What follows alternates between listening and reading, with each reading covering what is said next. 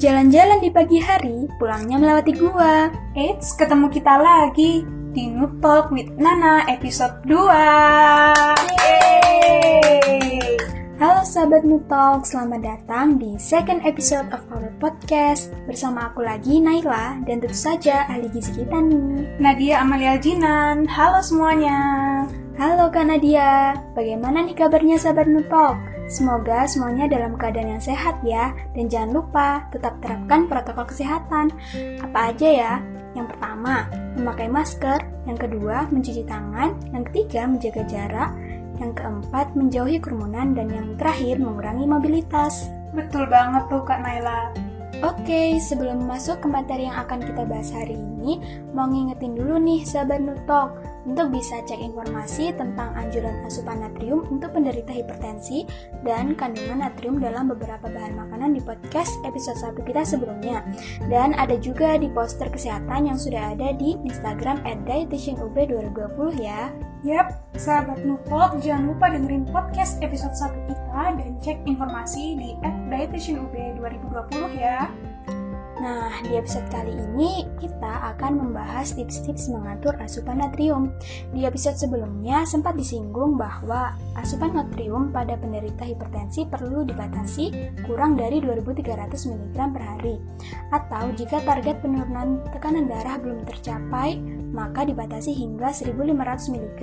Betul ya Kak Nadia? Iya betul, dan mau menginformasikan juga nih Kak Naila bahwa pada dasarnya bahan makanan itu memang mengandung natrium namun dalam jumlah sedikit sehingga sebaiknya konsumsi garam itu dibatasi khususnya garam dapur yang biasanya kita gunakan saat memasak yaitu dibatasi kurang dari 2 gram atau kurang dari setengah sendok teh garam gitu. Oh begitu ya kak. Nah saya ingin tanya nih Kadang kan kita kalau masak atau makan sebuah makanan gitu kalau garamnya sedikit itu kan kurang nendang gitu ya kak. Kira-kira gimana nih solusi buat sahabat nutok yang ingin mencoba untuk mengurangi konsumsi garam? Jadi cara yang bisa dilakukan kita bisa meningkatkan cita rasa makanan dengan menggunakan berbagai bumbu untuk mengurangi penggunaan garam. Misalnya bawang merah, bawang putih, jahe, kunyit, lada, jeruk nipis, dan lain sebagainya.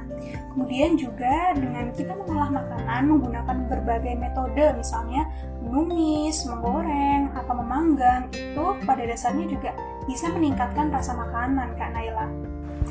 Jadi kita bisa manfaatkan rempah-rempah ya kak sebagai peningkat cita rasa makanan.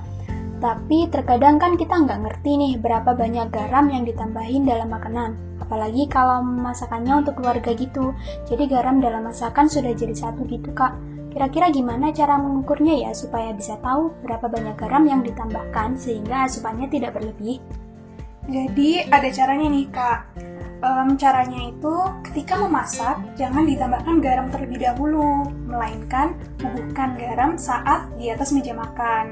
Jadi kalau misalnya ada penderita hipertensi di rumah nih, titik pesan bahwa ketika masak jangan ditambahkan garam supaya penderita hipertensi itu bisa menambahkannya ketika akan makan di atas meja makan begitu.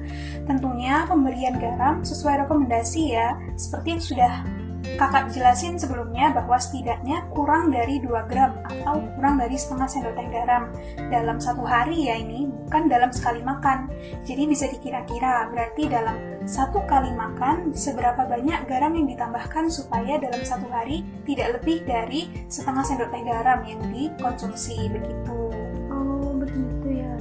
Nah kalau misalnya kandungan natrium dalam garam itu berapa sih kak? Jadi, dalam satu sendok teh garam kurang lebih 5 gram mengandung 2000 mg natrium. Jadi mengonsumsi 2 gram garam atau kurang dari setengah sendok teh garam itu sudah memenuhi sekitar 800 mg natrium.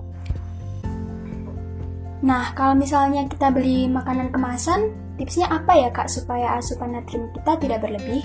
Tentunya membaca label nilai gizi atau nutrition fact pada kemasan untuk membandingkan jumlah natrium yang terkandung di dalamnya. Amati kandungan natrium atau istilah lain yang biasa digunakan yaitu sodium dalam miligram biasanya satuannya dan nilai persentase daily value atau persentase pemenuhan dari AKG. Pilih produk makanan yang memiliki nilai daily value natrium kurang dari 5%. Makanan yang tinggi kandungan natriumnya biasanya memiliki nilai daily value natrium sebesar 20% atau lebih. Jadi mulai bisa pilih-pilih nih, baca label pangan supaya kita bisa mengetahui mana sih produk yang rendah natrium atau mana produk yang tinggi natrium gitu. Jadi baca label pangan itu wajib ya kak? Iya dong. Khususnya bagi penderita hipertensi ya? Iya betul. Kemudian juga sebaiknya kita bandingkan label dua buah produk dengan jenis bahan makanan yang sama, supaya kita bisa memilah dan memilih produk makanan yang sesuai dengan kebutuhan, khususnya untuk penderita hipertensi. Um, biasanya untuk produk makanan jadi yang mengandung tinggi natrium itu apa aja sih kak? Biasanya ada di dalam uh, bahan makanan yang diolah dengan ditambahkan garam, seperti asinan, sayur, atau buah, kemudian makanan kaleng, produk yang ditambahkan soda kue atau baking soda, biasanya pada roti-rotian nih, kayak gini nih. Serta makanan yang diawetkan, baik itu tadi seperti yang sudah saya sebutkan, makanan kaleng, atau makanan kemasan seperti snack asin, crackers, dan mentega atau margarin. Wah, jadi sahabat Nutol mulai bisa pilih-pilih nih ya. Bahkan mentega dan margarin itu tergolong tinggi loh natriumnya.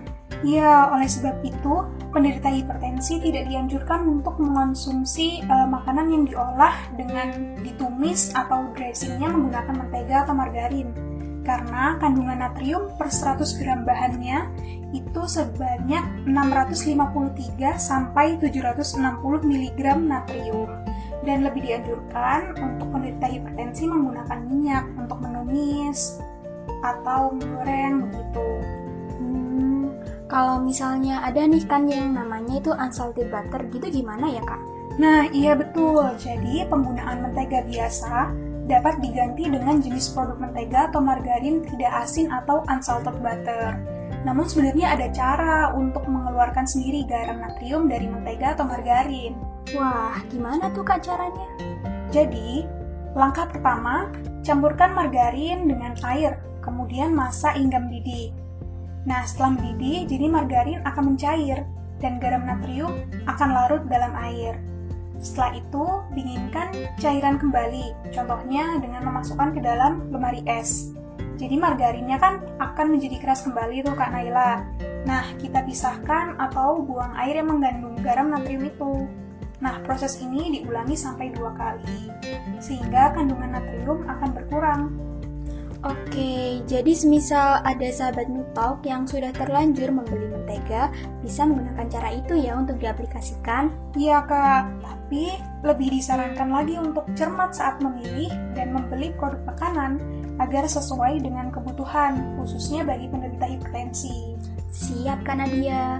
Nah, gimana nih sahabat Nutalk? Cukup menarik ya informasinya kali ini. Nah, semoga informasi yang kita bahas di podcast kali ini bisa diterapkan di rumah ya, sahabat Mutok.